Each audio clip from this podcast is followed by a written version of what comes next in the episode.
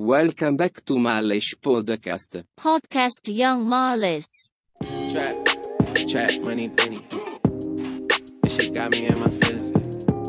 Hello guys, Gotta be welcome real to with newest episode of Males Podcast. So today we're gonna make a new episode about game tadi pagi dan juga game game kemarin ya.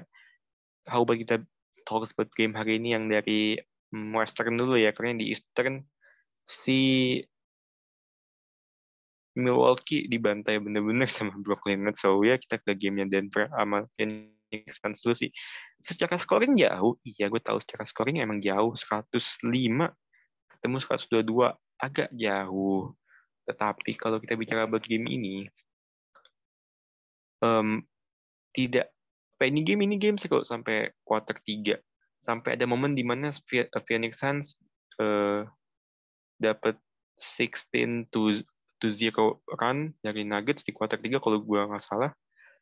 And ya dari situ ya dari situ timbul kepercayaan apa ya, istilah kepedean dari Phoenix Suns dan juga ya mereka langsung si Phoenix Suns malah leading leading terus sem- sempat 9479 di sisa 10 menit 20, 10 menit 25 detik di kuarter 4 ya dan ya benar di outclass di di benar-benar di outclass Denver Nuggets oleh Phoenix Suns di quart, di half quart, di second half ya. After 16 to 0 run yang dilakukan oleh Phoenix Suns. Game changer banget itu run yang dilakukan oleh Phoenix Suns. Apakah Denver ada masalah? Iya. Eh, karena lu menghadapi Phoenix Suns yang hari ini semua pemainnya bermain bagus. Eh, lima starternya pun mencetak double digit. Dan gue cukup gak dan gue nggak expect di Andre Ayton. Dia gue nggak expect di Andre Ayton bisa double double hari ini. 20 poin 10 rebound karena gue kemarin cukup memprediksi bahwa di Andre Ayton akan kesulitan dalam menjaga Nikola Jokic. Dan dan dia malah ternyata berhasil. Jokic hari ini field goals made cuma 10 dari 23 field goals attempt. Dan eh, Jokic hari ini mendapat 4 turnover. D- tapi gue tidak merasa turnover dari Jokic ini apa turnover yang apa ya karena dia pembawa karena dia pengatur serangan playmaker so playmaker banyak membuat kesalahan apakah ya ya sih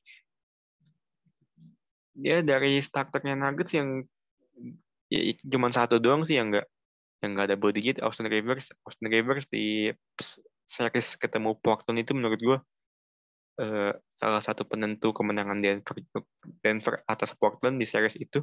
Dan kalau Austin Rivers nggak bisa step up atau entah apa namanya ya sulit sih menurut Denver men- apa melihat Denver bisa menang di game kedua walaupun gue masih yakin Denver bisa lanjut ke final karena, gue termasuk orang yang gue yang merasa final ini kalau Brooklyn Nets ketemu Denver bakal amat-amat seru.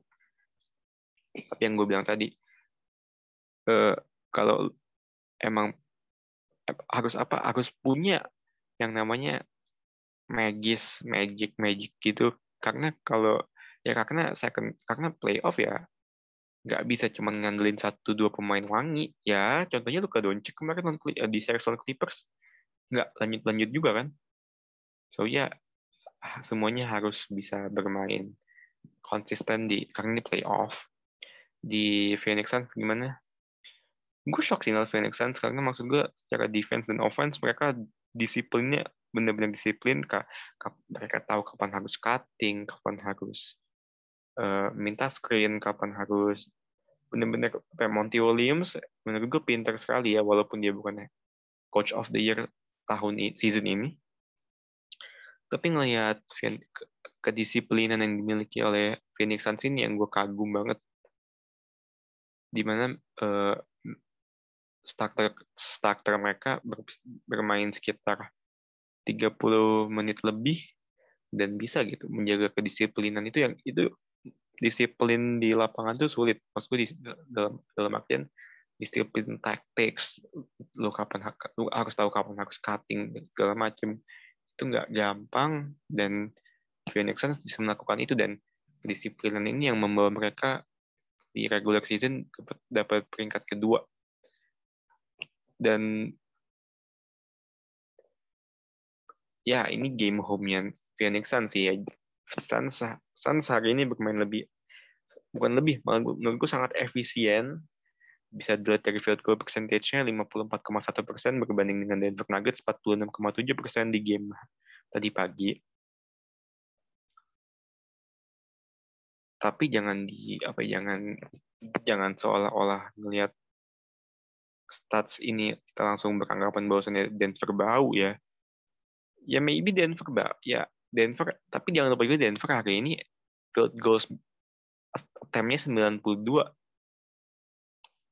berbanding dengan Phoenix Suns yang field goals attempt-nya 85. So, apakah Denver tinggal efisien? Efisien sih, cuma Denver tidak mendapat free throw sebanyak Phoenix Suns. Hari ini Phoenix Suns dapat 20 free throw, men. Kemudian dapat 20 free throw. Ya, belum bayangin dapat dapat 20 free throw, Phoenix Suns dapat 20 free throw berbanding cuman Nuggets cuma dapat 6 free throw ya, apa enggak apa enggak bete. Dan tentu yang gue sorot juga dari Denver jumlah defensive rebound mereka sedikit lebih rendah di ketimbang Phoenix Suns 30 berbanding 37 dan ini juga faktor di mana DeAndre Ayton bisa memanfaatkan itu. Makanya DeAndre Ayton bermain sangat bagus bisa dapat double-double 20 poin 10 rebound. Hmm,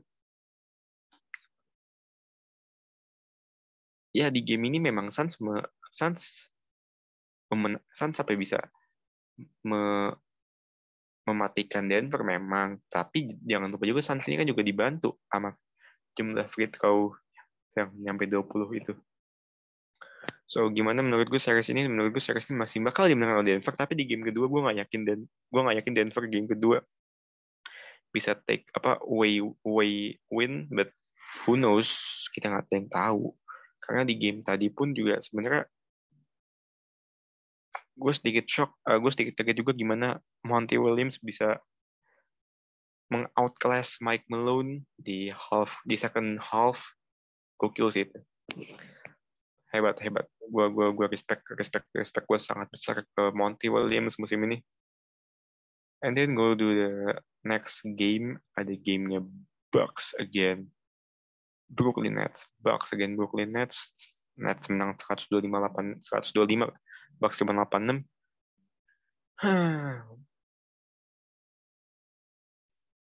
gue kemarin sempat bilang bahwasannya Bucks itu masalah defense terlalu apa terlalu basic. Kenapa gue bilang basic? Ya basic terlalu ngelihat bola, terlalu ball watching. Ya di di, di bola nah ada sih namanya ball watching tapi gue nggak tahu di basket apa namanya. Menurut gue itu terlalu melihat bola, terlalu ngelihat bola dan hmm, mungkin salah satu kunci untuk mengalahkan Brooklyn Nets menurut gue ya secara secara pemandangan gue secara kacamata gue adalah gimana caranya lu untuk mendapatkan start di awal yang kencang lu gimana caranya mendapatkan apa ya uh, gap yang jauh di quarter satu. Itu menurut gue karena Brooklyn Nets kalau udah masuk quarter 2 sampai quarter 4 udah berbahaya sekali. Jadi menurut gue untuk mengalahkan Brooklyn Nets ini sebenarnya nggak harus susah-susah bikin emang sih harus bikin kayak gitu tapi menurut gue lebih penting gimana caranya untuk membuat gap sejauh mungkin di kuarter pertama dan bisa ya, merapatkan pertahanan di kuarter 2 sampai kuarter 4 perlu diingat Nets ini menang 125 come on 125 itu bukan angka yang kecil men. Dan tuh wah 125 men tapi gue gue gue gue ngasih shout out gue ke Mike James ya Mike James ini gue yang gue gue gue, kalau gue nggak salah gue pernah bilang Mike James entah di mana gue bilang ya mungkin gue rasa gue bilang di mana gue lupa tapi gue cukup memperhatikan Mike James yang off the bench, come off the bench. Karena di CSKA Moskow pun dia emang apa? Eh, eh, walaupun gue gue rasa agak undersize ya, tapi dia eh, semangat dia dribble dribble dia itu sangat mematikan karena apa ya? Karena dia karena dia pertama dia undersize yang kedua dia cepat gitu. Tahu kapan harus drive tahu kapan harus uh, chop bola dan itu wow. Uh, big win banget sih kemarin di apa di Brooklyn Nets ngedatengin Mike James di Milwaukee Bucks gue gak ngerti kenapa PJ Tucker masih dipakai as a starter padahal ada Brand Forbes sana gue ya tapi kan ini orang kan apa sih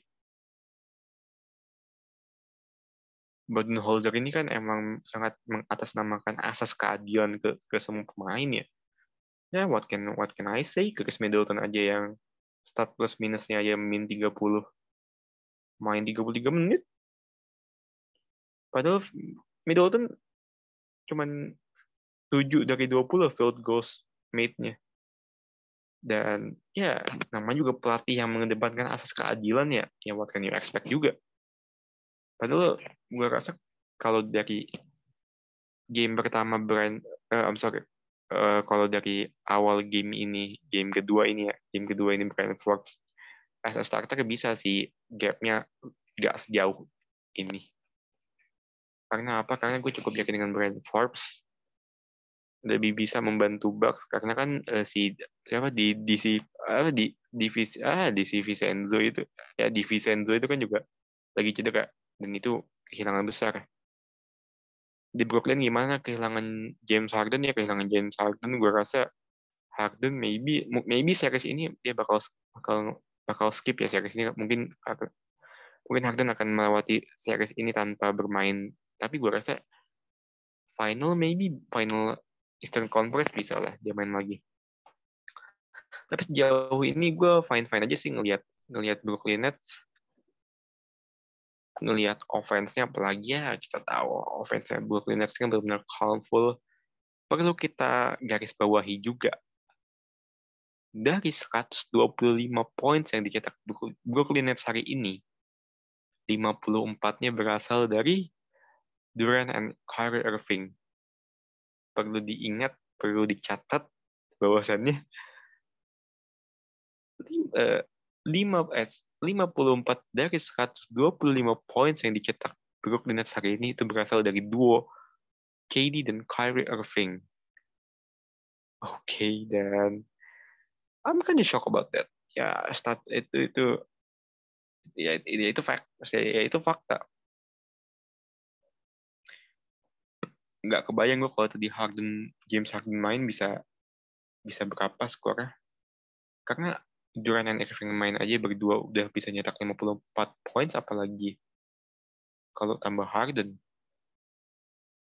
Jumlah yang dicetak oleh uh, Kyrie Irving dan Kevin Durant ini jumlah points yang dicetak Kyrie Irving dan Kevin Durant ini lebih banyak ketimbang empat starternya Milwaukee Bucks, Yanis, Chris Middleton, Jrue Holiday, dan PG Tucker. Jadi benar-benar di outclass banget sama Brooklyn Nets. Dan Brooklyn Nets ini kan asisten coaching staffnya Steve Nash kan kalau gue nggak salah, eh sorry, uh, Mike D'Antoni, bener. Ya dan dan Mike, Mike D'Antoni ya seperti gue bilang dia ngebawa vibes-nya Houston Rockets 2017, 2018, 2018, 2019 ke Brooklyn dan itu berhasil sih, sangat-sangat berhasil. Ditambah lagi kalau di game pertama siapa sih yang bisa expect Blake Griffin bisa take a three point, but dan di game sekali game kali ini Joe Harris do his job as a shooter nyetak tiga three point made dari tujuh percobaan ya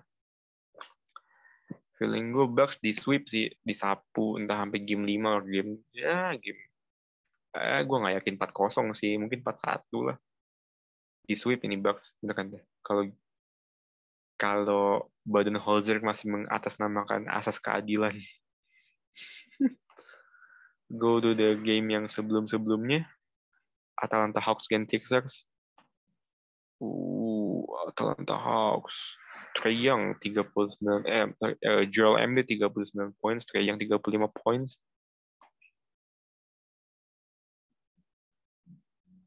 Um, Hawks ya. Kayak ini baru game pertama. Hawks pun cuma menang 4 beda selisih 4 poin doang.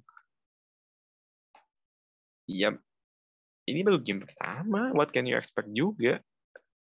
Ya, come on, baru game pertama, men. Apa emang emang ya enggak ya gue ya memang sih gue sedikit bilang apa Hawks sejauh musim ini underrated. Tapi gue kan bilang juga bahwa Hawks ini bisa jadi dark horse, jadi kuda hitam dan ini yang terbukti dari Hawks musim ini. Ya, yang gue bilang beberapa episode lalu ya, gue bilang kan Hawks ini uh, kuda hitam. Ya, terbukti menyulitkan Sixers apakah seberapa besar sih chance Hawks mengalahkan Sixers? Nggak gede sih menurut gue. Ya bisa ya, ya kalau bisa ya ya itu kan namanya kemungkinan semua kemungkinan dunia ini kan bisa.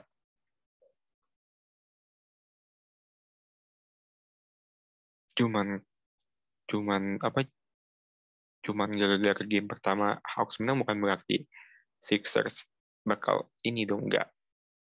Sixers itu buat gue buat gue pribadi ya gue ngeliat Sixers ini um, siapa yang mau gue salahin?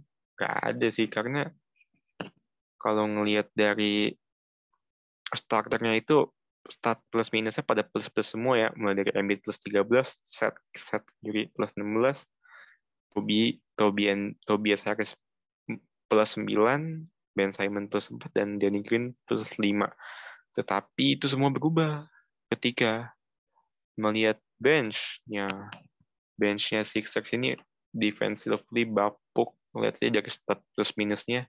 Dari si Taibul min 12, Korkmaz min 12, Maxi min 9 dan George Hill min 17 ditambah juga Dwight Howard min 15 separah itu memang benchnya Sixers berbeda dengan kondisi bench nya Atlanta Hawks. Atlanta Hawks memiliki bench yang menurut gue sangat pendukung, nggak cuma offense tapi secara defensively. Bisa dilihat dari stat plus minusnya, Hurter plus 8, Daniel Gallinari plus 11, The Williams plus 16, Tony Snell plus 9, dan Okongwu plus 13 stats plus minusnya. Um, menurut gue Lou Williams masih still one of the best six man on NBA for me. Menurut gue itu karena ketika ya ketika lu as uh, dari lu datang dari bench, lu datang bersama teman-teman bench lu dan lu bisa memberikan uh, suntikan poin baru ke tim lu wah itu apa ya apa itu yang skill yang menurut gue sulit didapatkan dan sulit dipelajari oleh uh, dari Lou Williams. Karena Lou Williams bisa memotivate benchnya Atlanta Hawks. Benar-benar bench Atlanta Hawks ini benar-benar apa meng-outscoring benchnya Sixers ya. Keren sih. Dan gimana starternya? Gue starternya gue justru permasalahan defensively itu datang dari uh, starternya Atlanta Hawks sih. Gue nggak ya lihat dia start plus minusnya di mana nggak ada yang plus startingnya Atlanta Hawks start plus minusnya. So ya yeah. ya tapi kalau to be fair ya kalau starting five-nya Hawks ketemu Sixers ya Sixers menang jauh tapi kan ini NBA ini ada apa benchnya Atlanta Hawks ini yang harus gue appreciate ya harus gue kasih kredit besar. Tapi kalau ngeliat series ini gue nggak yakin sih Atlanta Hawks bisa melangkah lebih jauh karena Doc Rivers dia one of the best so yeah dan sebenarnya kalau dilihat dari stats percentage pun juga Sixers lebih efisien 54,9 field goal percentage berhadapan dengan 51,2 dari Atlanta Hawks. Masalah apa yang ada di Sixers? Gue ya pertama pasti ya free throw-nya Sixers juga uh, jelek banget sih di bawah 70 persen free throw-nya berbeda dengan Atlanta Hawks 95,2 persen tapi it, it, it, just one game. Atlanta Hawks yang gue dislaki aja ya udah lagi. Ya lagi their days day tapi kalau problematika benchnya Sixers ini nggak bisa dicari obat apa dicari obat atau perbaikannya hmm, sulit sih ngeliat Sixers bisa melaju ke finals. Maksud gue melaju ke NBA finals karena gue masih yakin Sixers bisa emang nyapu Atlanta Hawks maybe Sixers in six, Sixers in seven, ya sekitar situ lah. Sixers in five, enggak sih, ini nggak mungkin Sixers in five, apa bukan apa, mungkin tapi berat. Oke, okay, that is the end of of our episode. Kalau kalian suka, please banget di share biar pendengarnya nambah. Oke. Okay? Love you guys. Bye bye.